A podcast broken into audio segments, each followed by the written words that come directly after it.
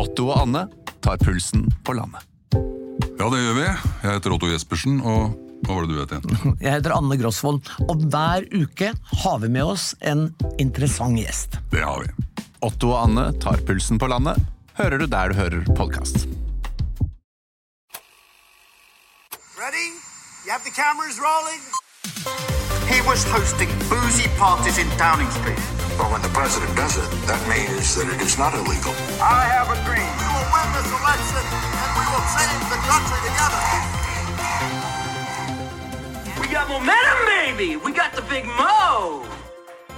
Velkommen. Velkommen. Jeg heter Eirik Bergesen, Og mitt navn er Sofie Høgestøl. og dette er vårt nokså uhøytidelige, veldig personlige forsøk på å gå bak ukas nyheter, lete etter sammenhenger, si noe om fremtiden, på jakt etter det store bildet, sånn som vi ser det. Hver fredag. Lille bildet, Sofie, du er enda mer overarbeidet enn vanlig. Ja, Lille bildet mitt er at jeg er superstresset. Jeg tror jeg sendte deg meldinger sånn rett før midnatt i går. Uh, ja, jeg, jeg satt på jobb så lenge i går at jeg, jeg jobber i, um, på jussen uh, ved UiO, og det betyr at vi har disse fine bygningene i byen, på Universitetsplassen. Jeg jobber akkurat nå, har jeg kontor i Midtbygningen, og det er kjempekult. Men det eneste som er negativt med det, uh, men som også er kanskje det største sånn work-life balance-tiltaket min arbeidsgiver har gjort mot meg uten å skjønne til det de gjør, er at de begynte for et år eller to siden å stenge bygget etter elleve.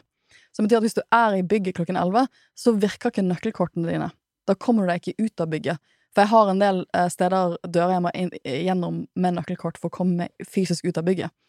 Så de, og, de, og så låser de også um, hagen, så da er du bare låst inne på Universitetsplassen. Eh, Så du må komme deg ut før elleve om kvelden. Og det, det har gjort mye for min work-life balance, for da må jeg faktisk forholde meg til en veldig hard deadline. For hvis du blir låst inne der, det har jeg blitt før, så må du ringe vaktene. Det tar en halvtime å komme til byen, og de er veldig sure. Så din work-life balance er nå hjulpet av at du ikke lenger jobber lengre enn til klokka 11 på kveldene. Jeg kan ikke når jeg har desperate uker som denne, sitte på jobb til mer enn elleve. Men så min, ja, min dette, Denne uken her føler jeg det bare altfor mye å gjøre. At jeg ligger langt bak på alt. Eh, Og likevel har du tatt deg tid til å gå på Twitter, har jeg sett, Sofie. Ja, for det, jeg er jo en person som prokrastinerer ganske mye. Og desto mer jeg har kniven på strupen, så desto verre blir det. Så denne uken så prokrastinerte jeg veldig konstruktivt, følte jeg da, ved å jazze litt om den nye logoen til Forskningsrådet på Twitter. Og hvis du er forsker, så er det på mange måter veldig populistisk å kritisere Forskningsrådet, for nesten alle, eller mange, hater Forskningsrådet i akademia. Litt fordi at det er mange som prøver å søke forskningsmidler fra, fra, fra de, og så er det sånn 95% som får nei.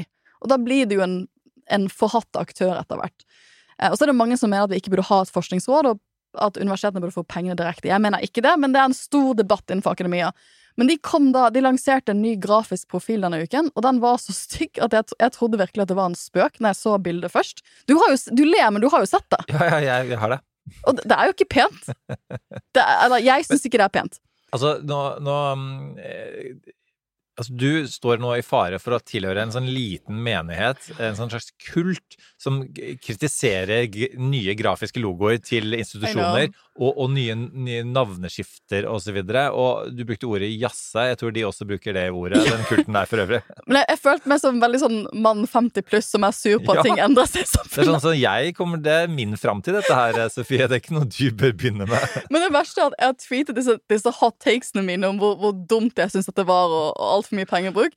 Og så, og så innser jeg først i etterkant at det er samme reklamebyrå som en av mine favorittfettere jobber ved. Så jeg har fått en lang melding fra han som ikke har turt å åpne ennå. Om, eh, med mange innvendinger mot, mot min hot take, da. Så jeg beklager så mye, Tom André. Jeg er helt sikker på at dette er mye smartere enn det jeg har skjønt. Jeg har skjønt nå at det er basert på en matematisk formel. Ja. Eh, For ikke snakke om at eh, du vil på et eller annet tidspunkt kanskje kunne trenge penger fra Forskningsrådet, i tillegg til at eh, du skal holde deg inne med fetteren din. Altså jeg for eksempel brukte, har jo ikke gått på Twitter for å kommentere at TV 2 har fått et nytt navn, som er TV 2 Direkte, eh, som blant annet kommer til å sende Bonanza fra 50-tallet. Dette har jeg altså ikke kommentert nå, dette var et met, en metakommentar. Eh, bare så det er klart. TV 2 Jeg så, direkte. jeg så overskriften, og så tenkte jeg å, TV2 Direkte, det må være nyhetskanalen. For tenk sånn, Den er jo går live, den er jo direkte hele Nå tiden. TV2 Nyheter. Men det er TV2 Nyheter, mens TV2 Direkte er den vanlige TV2-kanalen som sjelden viser ting som går på direkten. Altså burde vi, bare for å avspore dette her, som du skjønner at jeg er i ferd med å gjøre, um, så vi- burde vi ha et navneskifte? nei, nei, jeg elsker Eh, Det store vår. bildet live direkte-nyheter, Ja. kanskje? Kanskje det. Eh, Nei, så det, det var mitt lille bilde, men da føles det veldig deilig å skulle runde av uken. Ikke helt, jeg har litt, litt Jeg skal skrive to anbefalingsbrev til studentene mine, for det er sånn søknadstider igjen for de skal søke på masterprogrammer i USA, så jeg har jo lyst til å støtte opp om det. Eh, det må jeg gjøre før jeg blir ferdig med arbeidsuken. Men nå føles det allikevel veldig deilig å gå en litt for landing med denne uken her, ved å koble av med litt god gammeldags USA-politikk. Eh, for vi skal jo snakke om USA-politikk i episoden i dag, for eh, denne uken her så var det åtte uker til mellomvalget, og det må vi jo begynne å, å virkelig gripe fatt på her. Men før vi gjør det, så har jo du også et lille bilde denne uken, Eirik.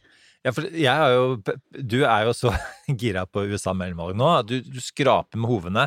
Jeg tror du har, mer enn én gang har sagt at snart skal vi snakke om mellomvalget.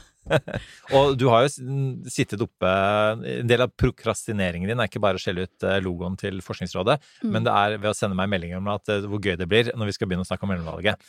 Eh, eh, og så har jeg prøvd å si at ja, men vi må også snakke om eh, flommen i Pakistan, og vi må snakke om valget i Sverige, valget i Brasil eh, osv. Og så har jeg tenkt også å prøve å lure inn til og med eh, dronningdøden i det lille bildet. Fordi vi hadde jo om dronningdøden sist, og da sa jo jeg spesielt kanskje at, at ikke monarki er mitt sånn favorittema. Men vi rakk å snakke så mye om det, og jeg rakk å researche så mye at jeg ble lurt med eh, i eh, nyhetskanalen, eller nå heter det TV 2 Nyheter, TV 2 Nyheter. sin, eh, sin sin konge- eller dronningssendinger. Og da du, har du brukt uken på jeg jeg var så vidt innom, og så var det sånn ja, men Du kan jo sitte litt etter reklamen nå, går det bra? Det er sånn, jeg vil sitte litt etter den reklamen nå. Plutselig ble jeg så spytta ut av studio to og en halv time seinere. Ikke helt sikker på hva jeg sa igjen de to og en halv timene, men Men hva var du dekket? jeg, som sagt, jeg husker ikke helt. Men det jeg prøvde å si, var, var å komme med en politisk vinkling. Og det, og det skal jeg gjøre nå også, helt kort. For det er politiske ting å si, og det følte jeg vi gjorde i vår episode òg. Og for eksempel, og dette har jeg nå satt meg inn i, samveldestatene. Mange vet ikke engang hva det er for noe, the commonwealth, ikke sant. Det er eh, altså da, eh, nå skal du høre, 56 land. Eh, og det er eh, Og så tenker man at eh, Og det er jo noe av kritikken mot dronningen og monarkiet og kongen som nå tiltrer, eh, at er ikke dette veldig antikvarisk, og burde man ikke brukt pengene på andre ting, og så videre. Eh, og det er ikke dette en overklassegreie i et allerede veldig klassedelt samfunn. Alt dette var vi jo innom eh, sist. Eh, men det som er litt interessant med dette samveldet, er jo at selv om britiske imperiet tross alt ble bygd ned for la oss si 50 år siden, mer eller mindre, så er det en frivillig organisasjon, en sammenslutning man kan delta i hvis man vil eller ikke vil. Så kan man trekke seg, og det er det noen som har gjort. Så er det noen som har joina, og det aller siste er at Gabon og Togo ble en del av samveldet, ja, i 2022.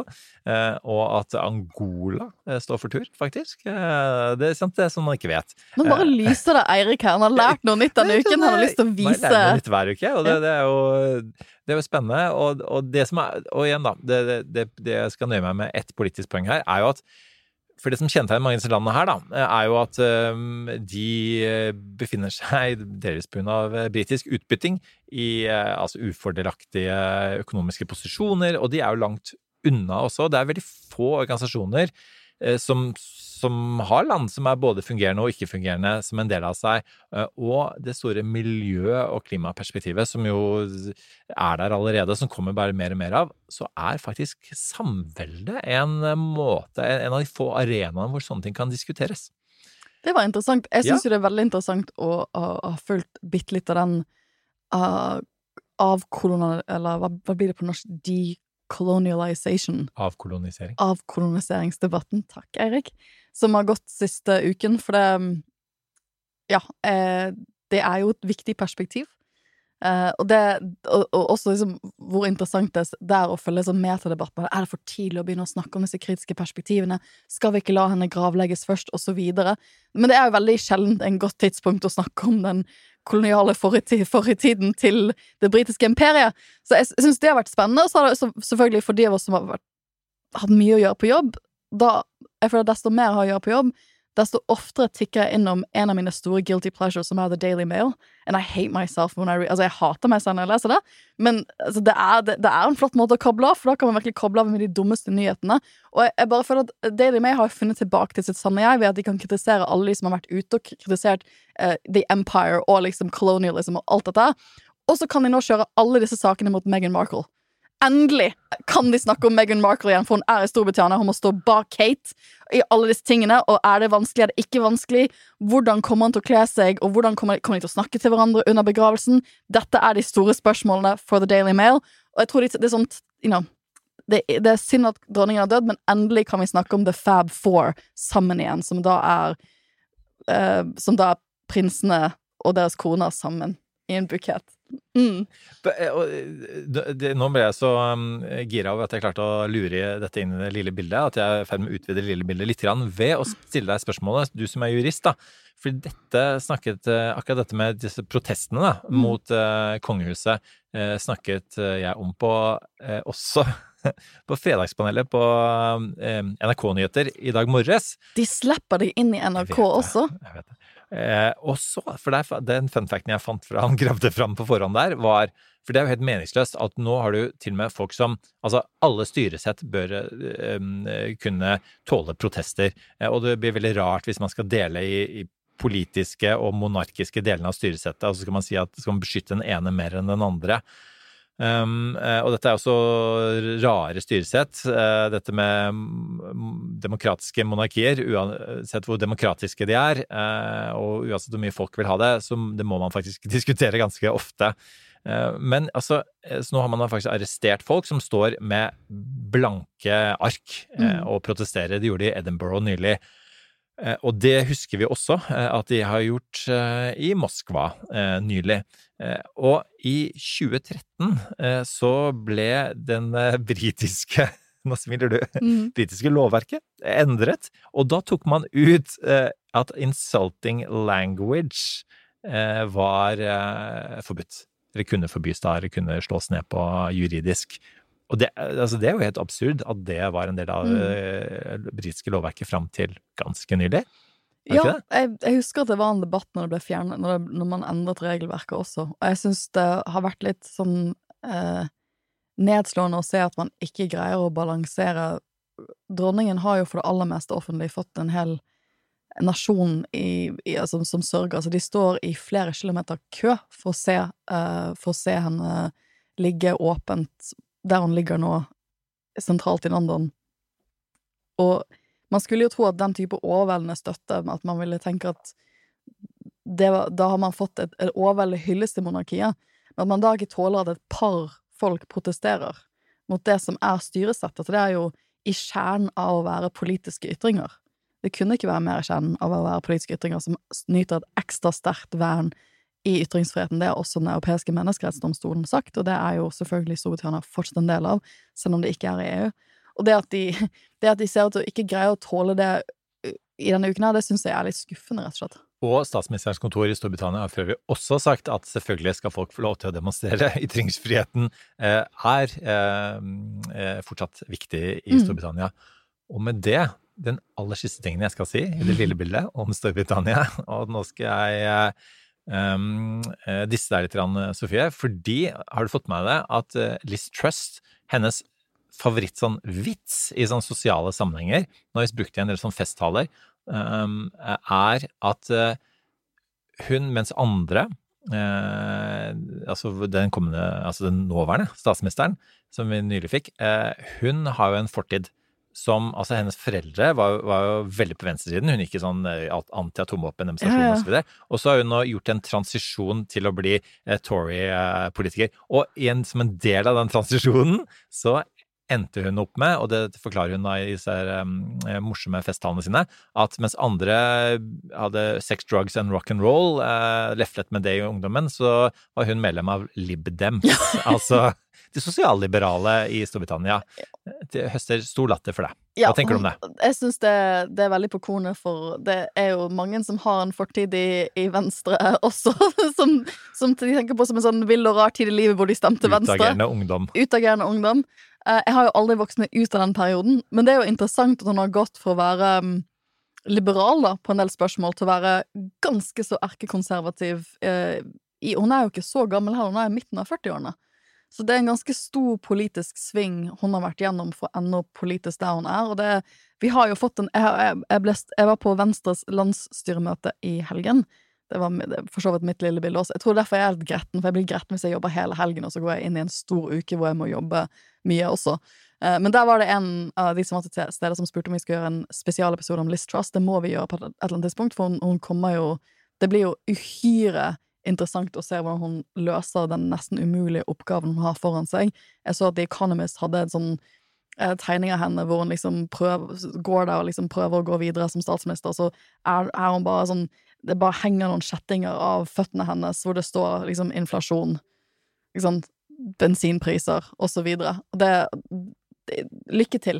Men, og for øvrig, da, eh, før vi gir oss helt med dette, så eh, Liz Truss blir jo også sagt å være en person som måtte hun, altså det hun står for, står hun for så utrolig hardnakka, helt til hun da bytter standpunkt ja. til det motsatte, og står for det like hardnakka. Det gjorde hun eksempel med, ikke bare som LibDem i sin tid, eh, som visstnok var en av de mest hardnakka i Student Union på det sporet, eh, men også eksempel eh, som eh, Remain-politiker, før hun da ble brexit-politiker. Like hardnakka begge steder. Og sånne politikere må jeg innrømme at jeg som ikke er politiker, er litt skeptisk til. Ja, jeg, jeg, jeg leser et intervju med han som um, Han som har vært uh, uh, blir redaksjonssjef for, um, for Reset.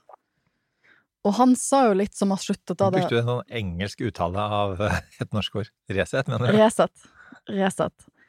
Um, heter han? Lars uh, Akerhaug? Akerhaug, ja. Og han har jo også vært gjennom Han han, var, han, ble portrettintervjuet i, i, Aftenposten, som var et veldig fint portrettintervju. Jeg syns det er veldig um, Jeg syns jo det, det, det, er jo Man må jo respektere en person som, som, innrømmer at de har gjort noe feil, og så prøver å beklage for det.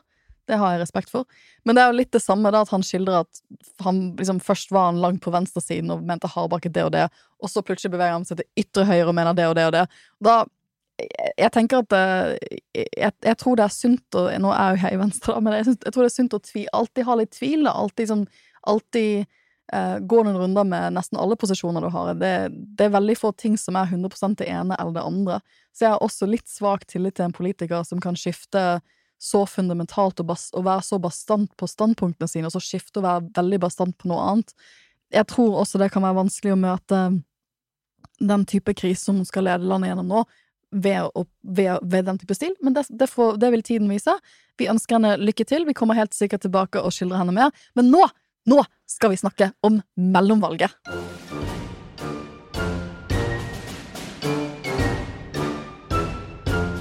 Fordi nå, Sofie, altså tross overarbeiding og mm.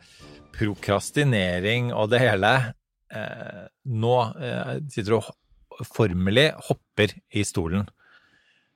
Mellomvalg. Eh, mm. Det er åtte uker til, altså to måneder til. Mm. Eh, og det som er Det er veldig mye som er spennende med mellomvalg, ikke minst i USA, og ikke minst for sånne som oss. Og, men eh, noe av det kanskje mest spennende er jo at eh, det er jo akkurat nå man får de første indikasjonene av hvordan det hele kommer til å ende. Fordi det er veldig lite som endrer seg de siste to månedene når det gjelder mellomvalg. Ja, det, det, pleier i alle fall å være sånn. Eh, nå må vi jo se hva dynamikken blir i det videre. Men kan, jeg tenkte vi kunne begynne for Vi skal jo snakke mye om mellomvalget i ukene som kommer. Men jeg tenkte vi kunne begynne med å liksom snakke om hvorfor mellomvalget er viktig. Og hva det er. For det, jeg, jeg, kan forstå hvis man tenker at mellomvalget er litt som et norsk kommunevalg. Det er, ikke, det er grenser for hvor sexy det er, egentlig. Og det kan jeg forstå, eh, også litt fordi det er jo vanskeligere å følge et mellomvalg. For når man følger et, valget hvor det er presidentvalget i USA, så er det veldig tydelig narrativ. Ikke? Hvem av disse to presidentkandidatene kommer til å vinne frem? Og så følger man liksom utviklingen. Men i et mellomvalg så har man ikke ett valg man kan følge i form av presidentvalget. Man har jo egentlig flere tusen valg. For det første å si om et mellomvalg er jo at um, det er mange nasjonale posisjoner i USA som er på valg. Men vel så viktig så skal jo mange av delstatene, eller alle delstatene, skal ha masse lokalvalg. Så det er virkelig flere tusen valg som skal skje i USA i november. Så sånn sett er det jo en liten demokratifestival i seg selv. Men det som gjør det viktig, er jo at i USA så har man valgt et system hvor du har Kongressen, som alle lytterne våre vet, har to kamre. Du har et underhus, altså et representantenes hus, og der er de på valg annethvert år. Så alle de 400 og et eller annet som sitter i Representantenes hus, de er på valg annethvert år. Som for meg høres ut som et sinnssykt prosjekt. Jeg, jeg spurte en Sist jeg var i USA, som var rett før uh, covid, så møtte vi uh, noen representanter fra Representantenes hus, og da spurte jeg en av dem, var en, en republikaner, jeg husker hvor han var fra, men han hadde vært lenge i Representantenes hus. Så spurte jeg en sånn, blir du ikke Altså, jeg, jeg sa jeg er politisk aktiv. Blir du ikke sliten av at, det, at du er på valg annethvert år? er det ikke hvordan, hvordan, skal du kunne stake ut en langsiktig politisk kurs hvis du hele tiden må være på valg i praksis? For det er det du egentlig er. Særlig i USA, hvor du må uh, ta inn masse penger for å kunne stille til valg, så er det virkelig Du må begynne med fundraising første uken din som nyvalgt. Du har ikke så mye pusterom. Og da sa han Da, da gjorde han en veldig sånn republikansk sånn um, fors, uh, forsvarstale for det amerikanske demokratiske systemet og The Founding Father, som har lagd dette systemet her, da. Og han sa at uh, de ønsket et system hvor du hadde én gren av den politiske makten i USA som var tett på folket. Og tett på folk i den forstand at de er på valg ofte. Så de, de kan Hvis, hvis, um, hvis um, velgerne har føler for noen strømninger, så kan de få fort utløp for det ved, i mellomvalg. Uh, for de kan velge de inn annen. De kan kaste hele Underhuset annethvert år. Og det ligger jo litt noe i det. Det er jo noen som syns det er ille at vi ikke har nyvalg i Norge, og som sier at denne regjeringen her, hvis vi, hvis, vi, hadde hatt muligheten for å skrive ut nyvalg, så hadde vi gjort det snart. Jeg, jeg vet ikke om vi hadde gjort det, men, men, det er jo litt det man egentlig får, da man får en effekt hvor deler av deres storting da, essensielt er på valg hele tiden. Og det betyr at de fanger opp strømninger fortere enn det de andre grenene gjør. Og man kunne jo på mange måter se den Trump-strømningen kunne man først se i Kongressen eller Underhuskongressen. Jeg vil si at Underhuskongressen var første stedet hvor virkelig, Trump virkelig befestet makten i det republikanske parti. For mange av de som ble valgt, uh, særlig etter Trump ble valgt i 2016, altså 2018-valget, så måtte de være, være lojale mot Trump for egentlig stille til valg. Så det, du så en større utskiftning hos republikanerne i Underhuset. Så det er en viktig, for det, det, Underhusvalget gir en statustemperatur på hvor vi er i det politiske landskapet i USA. Og så er det også selvfølgelig viktig for det at Akkurat nå så nyter demokratene noe som egentlig ikke det amerikanske systemet legger opp til, og det er at du både har flertall i Kongressen, altså de har både flertall i over, altså Senatet og i Representantenes hus, og de har presidenten. Men det jo, det amerikanske systemet legger jo egentlig opp til at alle de tre tingene kan være splittet, at du kan ha et, en president, for det er forskjellige valg. sant? Du stemmer separat på president fra det du gjør i Kongressen. Og Det betyr at du fort kan ende opp i en situasjon hvor du har forskjellige partier som styrer forskjellige grener. Og det er litt den maktbalansen amerikanerne liker. De liker jo å tenke at you know, checks and balances, ikke sant. Da får ingen for mye makt i systemet. Men hvis du ikke har kontrollerer alle de grenene, så er jo sjansen din som president for å få gjennomført politikk ganske lav. Ja, og, og, det er jo en av grunnene til at du kan si at USA overlevde Trump på, på, en mye bedre måte enn man kunne se for seg, eh, gitt retorikken hans. Det var ikke så mye krøll han uh, rakk å gjøre, og de, tilhengerne av Trump vil jo også si at uh, han ikke dermed fikk en god nok sjanse til å gjennomføre, prøve å gjennomføre det han sto for. Eh, og, og, det er jo eh, Og så er det jo det, også, det visste jo Biden også, at han hadde egentlig da to år mm. på å prøve å få gjort noe. Og så er det også filibuster-ordningen som gjør at man kan eh, ja, stå og, og, og, prate og prate i det uendelige, og dermed oppholde en del stemmegivning som gjør at man ikke får utnytta flertallet sitt uh, ordentlig. Skal vi ta en liten runde på hva filibuster er? Ja, så Senatet har sine Senatet er jo 100 stykker, og Uh, de 100 er jo valgt inn, det er to senatorer for hver delstat. Det som gjør Senatet litt Der Underhuset er Der fordelingen i Underhuset går via befolkningen Det går litt via geografi, men det går, går hovedsakelig via befolkningstall, så du får utdelt de Statene får utdelt så og så mange representanter i Representantenes hus, basert på hvor stor befolkningstall de har. Så California har jo masse representanter, og så har jo Wyoming mye, mye mindre grad. Uh, jeg husker ikke hvor mange de har, men det er kanskje to-tre, da. Um, men alle delstatene har samme antall senatorer, og det er litt interessant, for vi snakker jo mye om sånn distriktsmandat og sånne ting i Norge, men det, er sånn, det er skikkelig distriktskvotering, for det betyr at California med sine 40 millioner mennesker har like mange i senatet som det er Wyoming med sine 700 000 har. Et eller annet sånt. Uh, og for å gjøre det vanskelig, for å også gjøre det vanskelig, så er ikke alle de senatorene de er ikke på valg hvert år. For de sitter i seks år av gangen, og det er ca. en tredjedel av de som er på valg hvert annet hvert år. For å gjøre ting spennende for sånne som oss, da. Uh, så der, der, er det ikke like mange Det er ikke like mange senatorer som er på valg i år, enn det det er Alle på Underhuset er på valg, så er det noen senatorer. Og det må være veldig komfortabelt med å være senator, for da sitter du i seks år gangen. Er, og, du, da, og, sjansen for å bli gjenvalgt da er ofte så høy at de sitter utrolig mange, de kan sitte i utrolig mange perioder. Men vanligvis ville man tenkt at med 50 eh, folk i Senatet, så trenger man et flertall på 51, da. Eller med 100 folk i Senatet, så trenger man et flertall på 51 for å få vedtatt lovgivning. Men så har man en internregel i Senatet som heter filibuster, som egentlig har gått ut på at i kontroversielle saker så kan en senator trenere saken ved å, så å si, ved å gjøre det de kaller for filibuster, som er, som du sier, gå ut og ta ordet i salen og trenere saken på hva bare snakke og snakke og snakke. Det er det det egentlig betyr. Men i praksis har det betydd at i kontroversielle saker, og nesten det er jo så mange ting som er kontroversielt i USA nå, så trenger du for å overkomme filibuster, så trenger du et flertall på 60 stykker. Og det er ingen av partiene, verken fordi at det er så jevnt, og det har vært så jevnt splittet, så er det ingen av partiene som har vært i nærheten av et flertall på 60 personer. Og det er litt av grunnen til at man ikke har fått gjennom våpenlovgivning, for eksempel. Eller disse store sakene, da, har det ikke vært sjans på å gjøre så mye med, for det er ingen som har 60, et flertall på 60, uansett hvordan det har vippet, da. Og det har ofte vært veldig jevnt.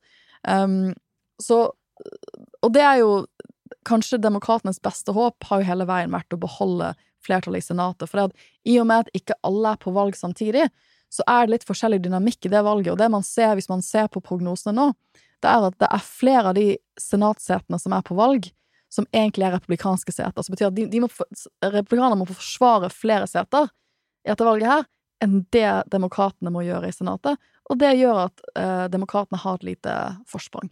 Og det betyr at når man skal uh, lage sånne analyser, så er man nødt til å ta hensyn til på en måte hvilke partier som har hvilke seter i spill når det gjelder Senatet.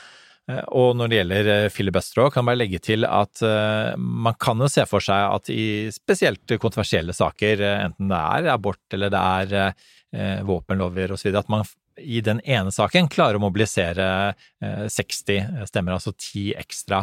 Og det har man sånn nesten klart, eh, demokratene nå. Men, eh, men, fordi det er enkelte liberale republikanske senatorer som mm. har Mitt Romney og co., som har ja, egentlig protest mot Trump og det trumpistiske flertallet blant sine kongressmedlemmer protestert på den måten der. Men, eh, men som, det, er ikke, det, er ikke, en farbar vei til at du kan si at du egentlig kan endre eh, landet like mye som, som da gjerne dine velgere ønsker at du skal gjøre, ikke minst de litt radikale velgerne hos demokratene. Og det betyr jo at eh, når man da går til valgurnene nå, så, så er, det, er, det, også veldig mange misfornøyde demokratiske velgere som føler at Biden ja, ikke, ikke, har gjort nok da, for å mm. endre landet i, i de krisetider. Men det som er interessant, da, som, som jeg nevnte, at det er, det er så 21 av de plassene i Senatet som er på valg nå, er kontrollert av replikanerne, og bare 14 av de som er på valg nå, er kontrollert av demokratene. Så republikanerne må rett og slett de må forsvare flere seter enn det demokratene må gjøre.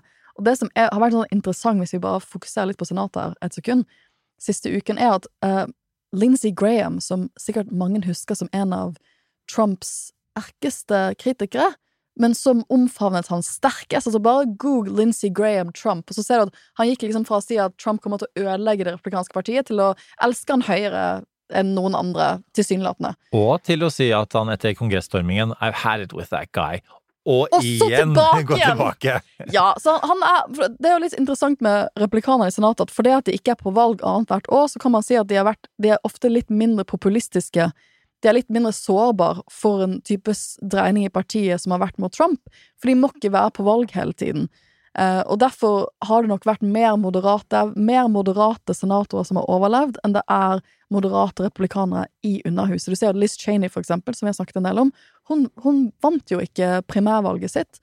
Det er jo det som har skjedd de siste ukene, at har jo, um, partiene har jo bestemt hvilke kandidater som får stille til valg nå i november. Og da vant Liz Cheney. Hun vant ikke sin primary, hun er ute. Hun, får, hun stiller ikke til valg nå i november.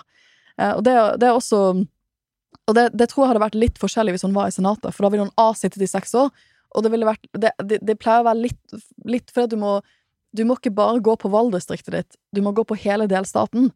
Da tror jeg det favoriserer litt mer moderate kandidater. Men det godeste Lindsay har gjort denne uken, er at han har eh, lagt inn et lovforslag i, kong, eh, i Kongressen om å, om å forby all abort etter 15 uker. En abortion bill. Og det er veldig morsomt å se hvordan det splitter en del av kollegene hans i, i Senatet. For jeg tror en del av kollegene, hans republikanske kolleger i Senatet er sånn Lindsay, vi har ikke lyst til å snakke om abort! Det siste vi har lyst til å gjøre, er å snakke om abort akkurat nå. Vi, vi stiller Mange av de som, eh, som Som vi har sagt før, så er det flere replikanere som er på gjenvalg enn det er demokrater. Og mange av de er på gjenvalg i mer moderate delstater hvor abortspørsmålet er på valg, som er på stemmeseddelen dette, dette valget her. Og de er litt sånn Lindsay, nå har du trunket oss rett åtte uker før et mellomvalg. Det er fint for deg, for du er i South Carolina, du er ikke på gjenvalg. Og South Carolina, this plays really well. Men for oss så er dette en liksom, Vi har ikke lyst til å snakke om abort i det hele tatt. Så det, CNN gjorde en sånn reportasje hvor de prøvde å få en del av de som snakker snakke om bare sånn, ta, ta stilling til er du for eller mot dette lovforslaget. Og du bare ser at de bare nesten springer andre veien. Fordi er bare sånn, Det siste vi har lyst til å gjøre nå, er å snakke om abort åtte uker før mellomvalget. Ja, det er to ting eh, de ikke vil snakke om. Det ene er abort, og det andre er eh, den, eh, noe som kun én republikaner har lyst til å prate om, eh, nemlig Trump. Det, det er to mennesker som har lyst til å prate om Trump. Det er Trump eh, og Biden. Fordi eh, både abort eh, og Trump er kjempegode saker for eh, demokratene eh, i et valg som, som nesten alltid dreier seg om, som alle valg for så vidt i USA, dreier seg om eh, økonomi. Og det er jo noe av grunnen til at, disse valgene er ganske sånn forutsigbare, da. Fordi at et presidentvalg vil selvfølgelig Det er jo presidentkandidatene, personene, har ganske mye å si, mens i mellomvalget så har Eh, altså Økonomien har mye å si, og, og da altså enda mer å si enn vanlig. Og på en måte prestasjonene da, til presidenten, ikke minst på økonomien, har veldig mye å si. Og det er det som gjør at disse valgene i utgangspunktet er ganske forutsigbare. Det, eh, altså I de to månedene som gjenstår før valget, så viser eh, tall, historiske tall at de kun endrer seg, altså fra meningsmålingene til valg, endrer tallene seg ca. 2 eh, og som oftest i retning av opposisjonen. Og det er nesten Mm. alltid opposisjonen som vinner. Og det som regel så er det også eh, favoriserer mellomvalgene republikanerne, i den forstand at det ofte er eldre, det er hvite som stemmer med, med mellomvalg, og det er ofte republikanere. Men så er det store spørsmålet nå, nemlig er dette en såkalt asterix election? Altså er dette et litt uvanlig type valg? Og det eh, er det mye som tyder på, og det kan man begrunne i én, eh, dette med abort, som var en bombe fra Høyesterett i juni. Ja, det interessante er at vi, jeg, jeg vil jo si at følg 538, det er jo sikkert mange av lytterne våre allerede. En annen tallknuser som jeg følger tett, er Harry Enton, som er CNN sin tallknuser, som de har hentet inn, tror jeg, for 538, egentlig. Yes. Morsom, han er veldig morsom å se på, men han, han har utrolig gode analyser, og han har gått gjennom en del av de spesialvalgene, for det, at når noen dør da, det er veldig gamle amerikanske politikere, eller noen må slutte på en eller annen måte, så må man ha spesialvalg selv, og det har man hatt noen av i, i år, og nå, i og med at kongressen er så stort, det er jo flere hundre personer som sitter der, så har man spesialvalg, spesialvalg i ny og ne. Og han har gått gjennom de eh, spesialvalgene som har vært de siste månedene, og vist at etter Roe vs. Wade kom ut, så har det vært eh, Han mener en sånn Det har vært en sånn Før Høyesterett kom ut med abortsaken, så var det sånn 6% verre for Biden i de valgene der, men etter så er det 5% bedre i favør Biden og demokratene. Så han sier at du kan allerede Han, han mener at når han har crunchet tallene for disse valgene man har hatt i år, etter abortdommen kom ut, så viser det at dette har mobilisert velgere på blå side, altså på demokratisk side i USA. Og det er spennende. Det er veldig spennende. Og så har du en, eh, en annen ting, og det er jo eh, altså all things Trump. Og nå er det altså sånn at eh, i 40 av statene så er republikanske kandidatene er election deniers. Altså dette er folk som mener at valget var urettferdig, det var stjålet fra Donald Trump. De mener at Donald Trump er den rettmessige presidenten i USA. 40 stater! Og det sier jo veldig mye om på en måte hvor ja, igjen at dette er jo Trumps parti mer enn det republikanske partiet, og, og på en måte Og så vet de som har fulgt med blant annet på lekkede taper osv., vet at lydbånd, som det heter på norsk, nå er jeg blitt farget av deg, Sofie, Eh, vet at, at, ledelsen i Det republikanske partiet forstår veldig godt at valget ikke var eh, stjålet, ja. men de har ikke klart å innføre ja, De har ikke vunnet fram internt, så de har bare latt det, det, skli. Så det betyr at det er ganske mange, eh, la oss si litt sånn kontroversielle karakterer som stiller til valg nå, men av gerrymandering, altså, altså måten de setter opp valgdistriktene på, så har ikke det så mye å si. Og det er en av grunnene til at man nå tror at republikanerne kommer til å vinne Representantenes hus, er jo at valgdistriktene er, er, sånn at det er igjen da disse gamle, hvite, veldig konservative personene. De kommer til å stemme på den republikanske kandidaten uansett hvor ko-ko den personen er. Og da hjelper det ikke at demokratene har ja, Det er ikke alltid de har klart det heller, altså, men der de, der de klarer å finne veldig gode, populære, personlig populære kandidater, så hjelper det ikke. Ja, og her er hvorfor jeg mener at dette mellomvalget er spesielt interessant å følge med på, for vi er jo ikke en normal politisk tid i USA. Det er, veldig, det er nok veldig få av oss som hadde trodd etter stormingen av Kongressen at vi ville sitte der i valget, mellomvalget i 2022 med en stasjon hvor 40 delstater har folk som stiller til valg, som fortsatt mener at valget var stjålet. Det, I dagene etter kongressstormingen hvor det så ut som det republikanske partiet våknet til at dette er ganske farlig, vi kan ikke drive med sånt. Det, det, det var et forbigående blaff. Trump har konsolidert makten i det partiet igjen på en, på en ganske så imponerende måte etter stormingen av Kongressen. Og det, det hadde vi nok ikke trodd i dagene etter stormingen. Og derfor er dette mellomvalget ganske viktig, for jeg føler at det som skjedde, hvis vi spoler tilbake til dagene etter stormingen av Kongressen i januar 2021, det var at da tok det republikanske partiet et ganske viktig veivalg. De hadde en mulighet til å dømme Trump og felle han i riksrett. Det var en stemning for det i deler av partiet.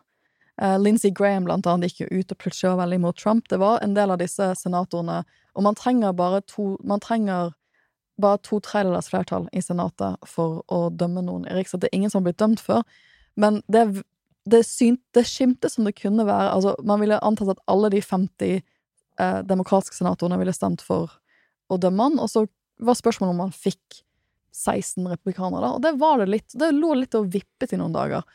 Og så tok de nok et veldig avgjørende veivalg, som var at nei, det blir for opprivende. Hvis vi, eh, hvis vi gjør det, så risikerer vi at vi mister en såpass stor eh, andel av velgermassen vår at vi bare taper alle valg fremover i mange år. Det kommer til å ta mange år å samle partiet igjen for å være konkurransedyktig nasjonalt. Så det gjør vi ikke. Vi lar han gå, og så, håper, og så, prøver vi å ghoste han, som en sånn ekskjæreste. Liksom. Du greier ikke helt å slå opp, men du tenker at vi bare ghoster. Vi bare, We're gonna be unavailable når telefonen ringer, vi er andre steder. Så ser vi hva som skjer. Men Trump har ikke latt seg ghoste. Det er det, det, det motsatte som har skjedd. Så de har rett og slett valgt, de har valgt etter hvert i ukene etter stormingen å si at ok, hvis vi skal vinne hvis, hvis, Nå er vi helt ute av amerikansk politikk. Vi har ikke presidenten, vi har ikke Representantenes hus, og vi har ikke Senatet nasjonalt. Vi har ingen, styr, vi har ingen hånd på rattet noen steder. Hvis vi skal få tilbake den styringen i 2022, og vinne noe igjen, så må vi bare prøve å forsone oss med at Trump kommer til å være her. For vi trenger å samle troppene. Og det ser du at ledelsen i Det republikanske partiet Det er det de snakket om mye i ukene etter stormingen. Nå skal vi samle laget, vi skal samle troppene, vi skal være et samlet parti mot mellomvalget i 2022. Det, det, det, var det, var det store veivalget de tok. Og hvis ikke de gjør et brakvalg nå, så var det kanskje ikke feil vei, veivalg, men da, da, da, De har jo valgt å double down on Trump. De har valgt å satse på han på mange måter igjen, uh, uavhengig av det som skjedde uh, under kongressstormingen. Og dette mellomvalget her vil være en indikasjon på om det var riktig valg eller ikke for dem. For hvis de, tap, hvis de, ikke, hvis de taper Senatet, hvis de kanskje ikke får et like På tross av alle disse omtegninger av valgdistriktet som gjør at de har en stor fordel inn i Representantenes hus-valgene, hvis de ikke gjør et brakvalg der heller, så tror jeg nok da må de Da vil nok kanskje Det gjenstår å se, da, men kanskje deler av partiet tenke sånn er dette riktig veivalg videre? For som du sier, Trump har jo håndplukket en del av kandidatene som stiller til valg til høsten. Ja, og han har jo vunnet frem da, i primærvalgene hos republikanerne ved at eh, mange av hans kandidater har vunnet, og det eh, de har tapt, så har de noen ganger tapt mot eh, enda mer trumpske kandidater enn de som Trump har plukket ut. Så, men så hører også med til historien at de høringene for eksempel vi så nå før sommeren, og som vil fortsette nå fremover også, de vil jo bli brått avbrutt. Mm. Altså de høringene som har med Trump å gjøre. Hvis republikanerne vinner i hvert fall begge husene. Eh, og så, eh, fordi da, da, vil man ikke kunne altså Det ville uansett ville kunne fortsette Justisdepartementet vil ha jo en etterforskning som de, de bygger opp, og de, den vil jo i utgangspunktet fortsette. Men det er Underhuset, som du sier, som kontrollerer denne kongressgranskingen. Mm. Og hvis replikanerne får flertall, så har de ikke bare signalisert at de kommer til å legge ned den. De har også signalisert at da kommer de til å begynne å etterforske Biden, og kanskje igangsette riksrett mot han. For det, det, det å igangsette eller starte riksrettsprosessen det kan Underhuset gjøre, det trenger ikke Senatet for å gjøre. Eh, så vi må jo forvente at hvis det blir republikansk flertall i Underhuset, så vil de på mange måter Jeg tror republikanerne ville sagt nå skal vi gjøre akkurat det som demokratene gjorde mot Trump yep. når de vant i 2018. Vi skal bare etterforske det hell out. Vi skal bare starte masse granskinger og bare kaste masse problemer opp i luften og se hva som skjer. Det blir årevis med Hunter Bidens eh, PC, for å si det sånn. Å, ja. Eh, men det som er litt avgjørende her, også med mellomvalget, eh, altså betydningen av Trumps innflytelse, handler jo om hvis han lanserer seg selv som presidentkandidat før mellomvalget, mm. eller etter, eller ikke gjør det i det hele tatt, for så vidt. Og hvis han gjør det før, og det er jo det alle republikanske strateger nå går og gruer seg for, for da kommer dette valget til å handle nærmest utelukkende om Donald Trump. Ja, og eh, en av de tingene som jeg virkelig gleder meg til å lese nå, er at Maggie Haberman i New York Times kommer ut med boken sin nå. Den skal jeg, den skal jeg lese i dere en oppdatert uh, versjon av når jeg, når jeg, har fått lest den. Den heter Confidence Man. Hun er jo en av de som, journalistene som har dekket Trump mest, da. Men det er jo litt det at The Confidence Man might make this election all about him. Han er ikke på valg. Han, det er liksom ganske uhørt at noen som har tapt et presidentvalg, eh, og som ikke er på valg selv, dominerer hele dekningen av et mellomvalg. Men det er jo det Trump gjør. Og litt, vi får jo spørsmål hele tiden. Kommer han til å stille til gjenvalg? Har han sjanse for å bli nominert? Akkurat nå ligger han an til å gjøre det. Og hvis, han, hvis hans kandidater overpresterer, så har han en enda bedre case til, sine, til partiet sitt. Se her, disse folkene mine de vant disse valgene der sa dere ikke trodde vi kom til å vinne.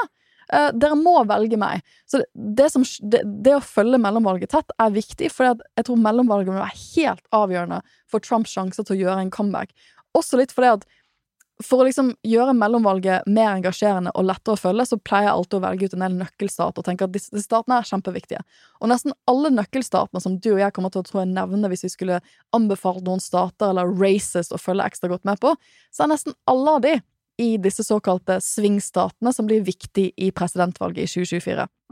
En av de mest interessante eh, senatløpene er jo i Pennsylvania. Pennsylvania var jo den vippestaten som gjorde at Trump virkelig tapte valget. Altså, når han tapte Pennsylvania på valgdagen i 2020, da var løpet kjørt. Og på samme måte som når Clinton tapte det i 2016, så var løpet kjørt for henne. Så det var en helt avgjørende for stat for Trump å vinne i 2016. Og det var en helt, helt avgjørende stat for Biden å vinne i 2020. Og det kommer til å ligge et masseslagsmål der i 2024. Og det gjør det allerede nå, for de har et senatsete ledig. Og vanligvis ville man tenkt at de to valgene i 2024 og eh, valgene i 2018 i 2020 i 2016 var veldig jevne i Pennsylvania. Som, for det, det, er derfor vi kaller det en vippestart, for det kan vippe begge veier. Men akkurat nå er ikke det valget så veldig jevnt, for hvem er det som stiller til valg i Pennsylvania, Eirik? Tenker du på uh, vår venn Oz? Jeg tenker på vår venn Oz. Dr. Oz. Dr. Oz. Som jo har uh, Han har name recognition, da, om ikke annet. Og han er jo en av disse som, som i utgangspunktet, da han var TV-lege, uh, virket som en sånn rimelig oppegående person, og som da har, eh, som man jo gjør når man da skal bli Trumps kandidat, måtte double down på alt Trump eh, står for, og sier og gjør veldig mye rart i Pennsylvania-primærvalget. Ja, rett og slett. Han sier veldig mye rart. Han er en uber-Trump-kandidat, må vi på mange måter si. Ja, fordi og Vi skal legge til eh, JD Vance også, som mange kjenner til fra Hillbillies Elegy, som jo på, en, på mange måter beskrev mye av det USA det frustrasjonen i USA som gjorde at man valgte en, en Donald Trump eh, på republikansk side. Eh, og, eh, og, han også er en person som var veldig kritisk til Trump. Eh, han sammenligna mer eller mindre med Hitler. Eh, og også, også Double Down, da, en av Trumps fremste og mest da, populære støttespillere. Ja, og, men det som er interessant, er at ting kan jo endre seg, men akkurat nå for det, det som er litt sånn spennende å gjøre hvis du har lyst til å nerde over dette, er at 538 de har en oversikt over alle senatvalgene, hvor de viser hvilken av de som virkelig er i spill. Og så kan du gå inn og klikke deg inn på de valgene, og så, og så viser de liksom sin nåværende prognose for det valget. Og de, har, de gir jo akkurat nå, da Ting kan endre seg, men akkurat nå så gir de demokratene veldig gode odds på, ta, på, på, på å få det senatsetet. Eh, litt fordi at Oz virker å være såpass langt ute. Rett og slett, det er bare å google han. Han har sagt mye rart. Eh, som hvor Hadde dette vært en mer moderat kandidat, så hadde det kanskje vært et mye tightere race. Og det er litt interessant, for Trump har jo valgt en del sånne type personer, um, og, og, gitt de Og det er de som har vunnet disse primaryene sine. Og nå må disse uvanlige kandidatene prøve å gjøre seg litt mer vanlige i ganske tøffe, tøffe løp, og jeg tror at demokratene håper at det at det er disse personene som har vunnet fram i sånne helt essensielle stater som Pennsylvania, det er en gavepakke, for det gjør det kanskje lettere å vinne disse løpene. Samtidig så er det nå en, en snakkis denne uken i USA har jo vært hva om vi tar feil på meningsmålingene igjen? Hva om meningsmålingene ikke treffer? Sånn som de gjorde i 2016, og sånn som de var også litt off i 2020.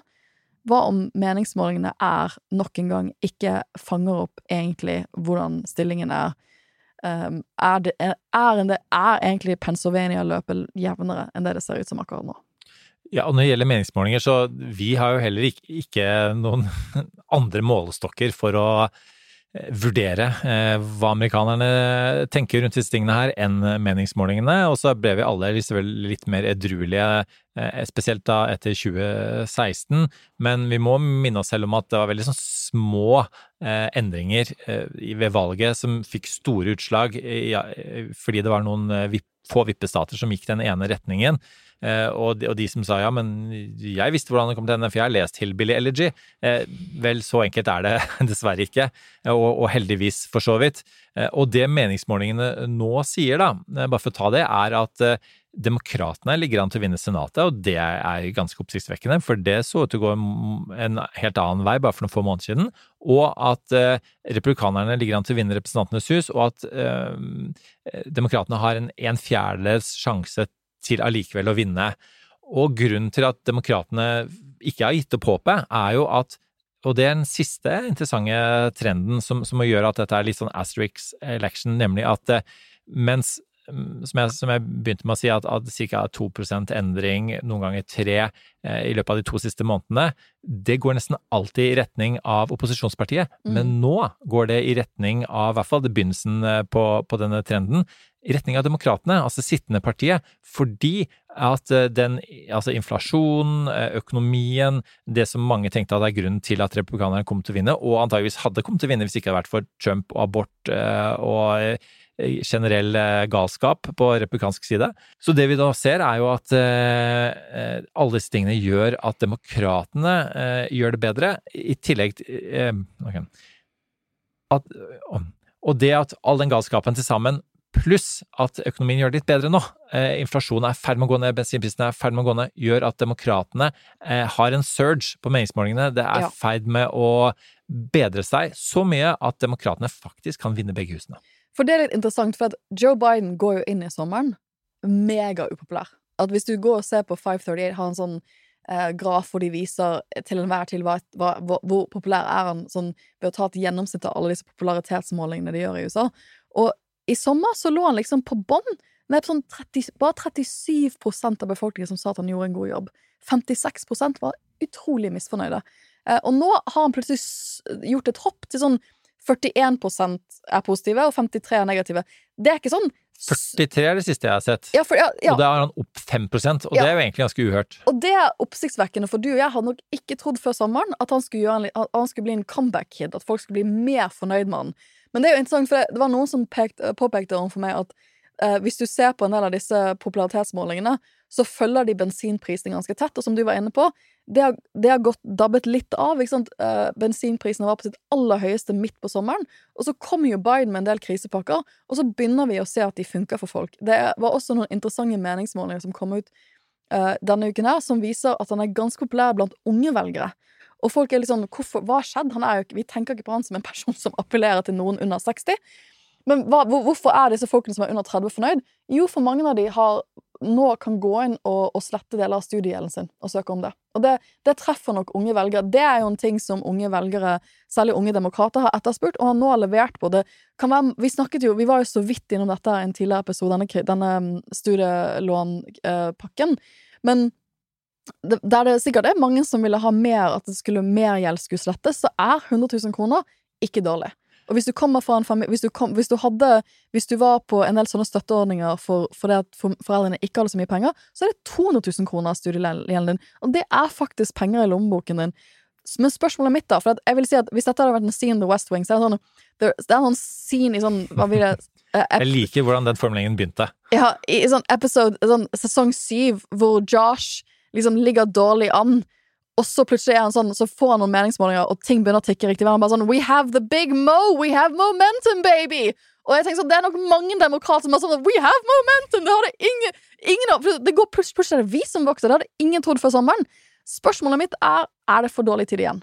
Har de, er det for kort tid mellom nå og mellomvalget til at det, det momentumet de har, kan ta de opp på et nivå hvor de virkelig kan vinne Underhuset? Det er da avgjørende spørsmålet. Ja, og eh, alle som jobber politisk vet at et momentum eh, inn i en valgkamp er nærmest umulig å endre eh, i valgkampen. Det er veldig lite du, du kan gjøre for nærmest å både omformulere budskapet ditt, ikke minst å rebrande deg selv og partiet ditt eh, i, eh, midt i valgkampens eh, hete. Men ja, de har en, en stor fart, og så er det noe med Biden som politiker òg. det, det, det, er ingen er jo ingen som entusiastisk støtter opp om Biden.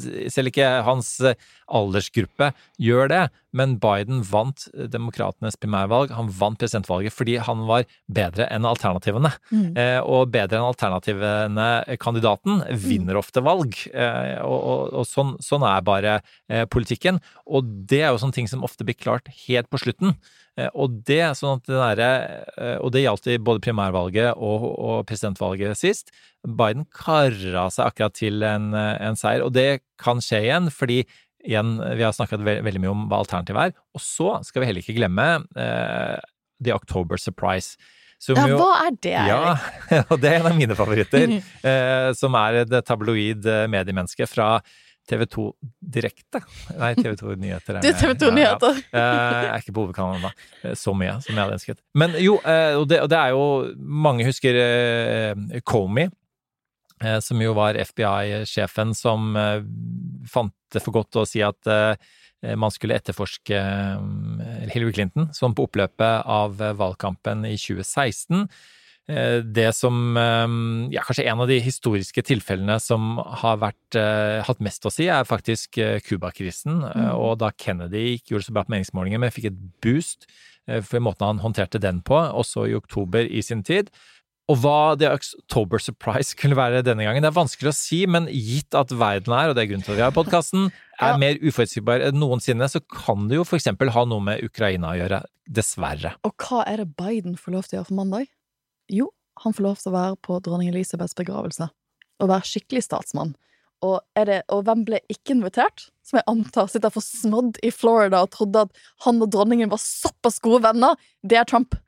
Um, og jeg har jo ikke så mange kontakter som vår kjære kongevenn hadde sist, men jeg har jo hørt fra folk som jobber i utenrikstjenesten, ikke i Norge, men uh, i, andre land, at uh, Trump fikk jo en, en av de jeg tror gjevstingene han fikk som, som president, var jo et sånn uh, ordentlig kongelig sånn statsbesøk i Storbritannia. Man fikk møte dronningen. Og at hun skjønte akkurat hvordan hun måtte håndtere. Hun skjønte at for at han skulle sitte seg i ro, så måtte hun bare holde det gående med å snakke til han hele tiden. Og snakke om seg selv. Da ikke, da, da gikk han ikke rundt og gjorde masse rare greier. Da holdt han seg liksom For han respekterte henne nok til å snakke med henne når han ble snakket til. Så han tror jeg trodde de hadde veld, en veldig god kjemi, og så ble han ikke invitert til begravelsen hennes. Men det får Biden ofte gjøre. Det, det, det er ikke en stor greie, Man får lov til å være sånn statsmann på verdensscenen nå. Det kan kanskje uh, tale i hans favør. Men det andre som eh, ligger litt under, under kortene, eh, som ligger litt under bordet nå, er at Punchbowl, som er et sånt sted for de som er skikkelig sånn USA-nerder, det vil jeg absolutt gå inn og se på hva de sier, men de, de, de har ofte veldig, veldig gode skiller, og de sier, deres skiller sier at det kanskje blir nyere høringer i 6. januar-komiteen. Uh, litt fordi, som, som jeg var inne på, at den komiteen vet at de blir nedlagt, de antageligvis, i november, med mindre det blir et brakvalg. Uh, så de har, kan, de har, egentlig reelt sett åtte uker igjen av å gjøre live, åpne høringer på. De har jo De, gjorde, de hadde noen skikkelig bamskjell-høringer før sommeren, og så har det vært stille. Men nå ryktes det at de kanskje skal høre, ha en åpen høring eh, mot slutten av denne måneden her. Og det kan jo være begynnelsen på en October surprise. Ja, og de gikk jo inn i sommeren, som sikkert mange husker, ved å si at uh, de skulle uppe gamet deres. Og, og sorry, folkens, nå har midterms, mellomvalget, fått meg også til å krydre språket mitt med vel mye engelsk. Men uh, vi, skal, vi, skal, prøve oss å um, bli flinke til å oversette uh, etter hvert som de åtte ukene forløper seg. Men de, de sa jo at de kom til å ha enda flere, enda sterke vitner, ja. at de vitnene de har allerede, har fått røykt ut enda flere folk eh, fra The Woodworks, fra sprekkene i veggene. Ja, for det, det er mange som spør meg tror, du, tror jeg det kommer til å skje mer ting i den uh, altså politietterforskningen mot Trump. For, å, ja, for å liksom, vi må jo skille mellom disse to tingene. Uh, altså, alt det som skjedde på Mar-a-Lago, disse, disse, disse graderte dokumentene han har hatt, osv. Jeg tror ikke det, jeg tror det kommer til å skje masse der også, men under bordet. For det, FBI har en sånn internregel om at de ikke gjør synlig etterforskningsskritt tett opp mot et valg. Uh, og dette er jo en sak som vil være veldig Og det, det brant de seg på skikkelig med Comey. Uh, og jeg tror at de kommer til å det, Litt av grunnen til at jeg tror at de gjorde mye av det de gjorde, blant annet å gå inn i hjemmet i, i august, var at de tenkte sånn Hvis vi skal gjøre dette, så må vi gjøre det nå. Hvis ikke må vi vente til etter valget i november. Da kan det være at han har lansert seg som presidentkandidat, og da blir det enda vanskeligere. Uh, så jeg tror at den kommer til å ligge litt under, under det, tror, Der kommer til å være litt stille. De krangler Akkurat nå så krangler de mye frem og tilbake. Det, det, kan vi forklare på en annen episode, men de krangler mye frem og tilbake på hvordan prosessen med disse dokumentene skal skje. Der krangler dommeren og Justisdepartementet akkurat nå, uh, og det, det, er spennende nok, det, men det er ikke så viktig. Det er ikke egentlig så viktig. Det som, men 6. januar-komiteen må ikke forholde seg til sånne regler, for de er en politisk komité i Kongressen. De kan holde så mange høringer de vil. Der er nok Ryktene sier, eller det som de snakker om denne uken i uh, amerikansk presse, er at Mark Meadows, som er um, Trumps tidligere stabssjef, har vært inne og snakket en del med dem. Og vi må huske at det som virkelig var bombshell midt på sommeren, var jo at uh, hans assistent, Cassidy Hutchinson, Hutchinson, som kom ut fra ingen intet, uh, hun ga jo ekstremt flammerende uh, vitnebyrde, og det ville jo vært naturlig at hvis du skulle snakke med noen andre, så er det som, så hvis noen andre skal komme og snakke på en måte, så er det Mark Meadows. Og da er det virkelig deep, da er vi deep throat. For det er stabssjefen. Og hvis stabssjefen turner på deg, da da er livet ditt vanskelig, da. Så det, det, tror jeg, det, tror jeg, kan bli veldig veldig spennende. Men hvis ikke, så er jo dynamikken nå, akkurat nå at det, det er, handler mye om Demokratene å snakke om abort, og replikanerne har lyst til å snakke om økonomi. Det er grovt sett, hvis jeg skulle liksom oppsummere hvor ståa er akkurat nå, så er det, dit, det er der vi er åtte uker før valget. Og hvis Mark Meadows går ut åtte uker før valget og sier noe som helst i retning av noe deep throatsk, så vil han jo i praksis kanskje kunne avgjøre to valg, både mellomvalget og presidentvalget. Det gjør at jeg tenker at han kanskje ikke kommer til å gjøre det. Samtidig, så hvis man husker tilbake til den opprinnelige deep throat, som viste seg å være Mark Felt, eh, mm. som ikke sto fram av eh, hensyn til demokratiet, men fordi han var forbanna over at han eh, ikke ble FBI-sjef, men ble nummer to. Så kan det være at det er en eller annen personlig grudge mot Trump som gjør at Mark Meadows faktisk står frem, og, og ikke um, ideal, politisk idealisme. Med det, Sofie, så da har jeg pekt ordentlig... to ganger på min klokke, som er for øvrig samme klokke som Obama har. Ja. Det har du sagt før. Bare til deg. Ja, bare til meg. Det er veldig imponerende. Vi skal legge ut bilde av den. Det er noe av det mest eh, USA-nerdete jeg har gjort noen gang. Og som 50-årsgave til meg selv, kjøpe Obamas klokke. Den er ikke dyr engang. Det er, eh, nei, for det kunne jo ikke Obama. Den måtte være sånn reasonable priced og amerikansk. Og han fikk den av Secret Service, faktisk. Mm, yeah. Så, eh, og det betyr at vi er Vi gjort- For vi, det, vi må mye vi skal prate om i de ukene som kommer. Eh, I en føljetong av en amerikansk mellomvalgserie. det blir masse mellomvalg. Jeg håper at dette har gitt dere litt sånn rammeverk for hvordan dere kan følge mellomvalg, og hvorfor dette faktisk er ganske viktig for uh, hvem, som blir, hvem som kan bli president i 2024. Jeg tror dette mellomvalgene vil være en avgjørende pekepinne på hvor det politiske landskapet er i USA nå, og ikke minst har mye å si for Trump sin, eh, sine sjanser til å gjøre en comeback. Og det som skjer nå, som sagt, for å spole tilbake, er det som av, sannsynligvis kommer til å avgjøre hvordan mellomvalget kommer til ende. Og det er også avgjørende for Bidens presidentperiode, for hvis han taper dette mellomvalget her, så har han så lite makt igjen som president i USA. Så dette var en skikkelig dypdykk, statussjekk, utblåsning. Jeg føler meg ti kilo lettere. La oss snakke om ukas av- og påkobling.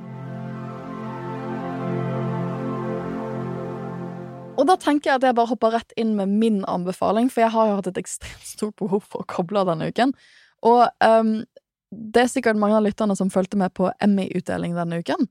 Og en av de kule tingene som skjedde under Emmy-utdelingen, var jo at, um, at eh, for første gang så var det en ikke-engelskspråklig skuespiller som vant beste mannlige hovedrolle.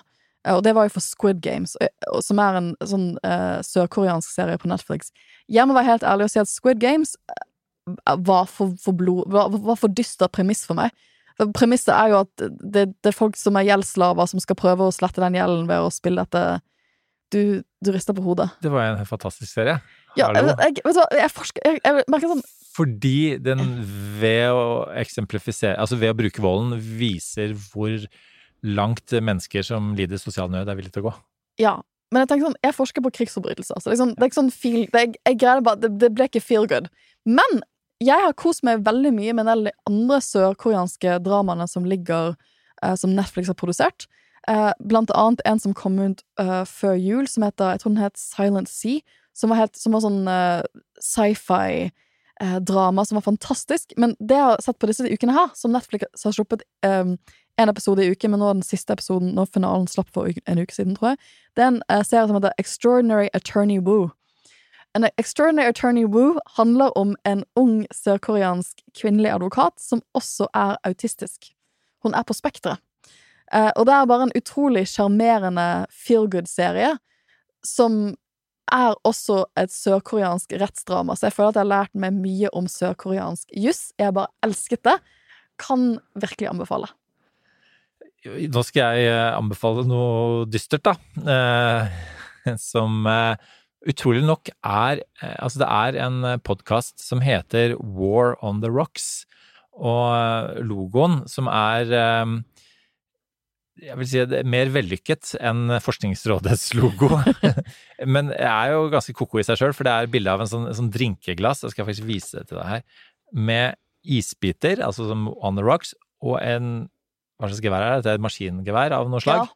Um, ja. Og, og det, premisset er at det er uh, militærnerdere som sitter og diskuterer over noen drinks. Men jeg, jeg tror de drikker veldig lite, og de blir i hvert fall ikke synlig beruset. Men de er tvert imot er ekstremt nerder på uh, Dette er folk som følger med, med sånn open source-kilder. For å følge krigen i Ukraina. Altså de, det, det er um, sosiale medier-poster og alt mulig, og samtaler med folk på bakken. Altså det er på en måte ikke, det er ikke militære analytikere i, som, som, en del av uh, militærstabene. Men det er helt uh, altså det, Dette har jeg fått anbefalt uh, av, av militære analytikere. Um, og som er helt fascinerende hvor detaljerte de er i det som faktisk skjer på bakken. Og den episoden jeg fikk anbefalt og jeg har hørt på, det handler om det eh, Kharkiv-operasjonen eh, og hva som i all verden er som faktisk skjer på bakken nå. Mm. Eh, På det som mange har fått med seg, er, er en uh, ukrainsk offensiv som ser ut til å være svært vellykket, og som i hvert fall uh, ser ut sånn symbolsk, da, eh, å ha eh, skapt et inntrykk av at eh, russerne virkelig er på retretten, og at Ukraina til og med kan vinne denne krigen. Så er det ulike militære analytikere som har vært eh, ute og sagt at eh, vent nå litt, de har fortsatt eh, taktiske atomvåpen eh, de kan bruke. Um, og, og en hel rekke andre maktmidler hvis de eh, faktisk ønsker å, vinne krigen en gang for alle. Men eh, veldig fascinerende, og, og, og dessverre også en veldig påminnelse om at krig er, ja, det er det store bildet, eh, som sånne som oss eh, prater om, men det er også mennesker som sitter i hver sin grøft og skyter på hverandre dag ut og dag inn, og rykker fram og tilbake noen eh, få metere. Eh, Og det er, det er veldig brutalt, så men eh, sveip gjerne innom de som er eh, spesielt interessert i eh, å følge krigen, og bare få et sånn litt sånn realitetsorientering på, på hva det faktisk er fra dag til dag, en sånn krig. Vi må jo ha Karen Anna Eggen tilbake igjen. Ja, det var det jeg satt og tenkte på Vi- vi må- også da Vi må ha jeg henne tilbake igjen podden, for vi må ha en statsorientering på hva, hva skjer egentlig nå. Mm. Eh, hva betyr dette Karin Anna, offensivet? Ja. hvis du hører på, du hører på, det vet vi. Eh, Så du er invitert tilbake Ja. om eh, ikke lenge. Så skal vi Det er minst like interessant som amerikansk mellomvalg. Er det lov å si det? Det er lov å si det. Det lov å si det. Og med det er vi veis ende nå. Tusen takk for at Vi har vi anbefalt blåser veldig mange ting, og ikke minst eh, altså, disse her meningsmålingene i USA, 538 osv., disse barometerne. Ja. Så det er bare å begynne å eh, logge seg inn, følg med, eh, se på prognoser som eh, går opp og ned. Bli glad, lei dere. Alle de følelsesmessige reaksjonene som eh, vi vet eh, innebærer å følge sånne meningsmålinger fra dag til dag. For dette kommer til å bli kjempespennende. God helg, så lyttes vi inn neste uke. That's enough. Put down the mic.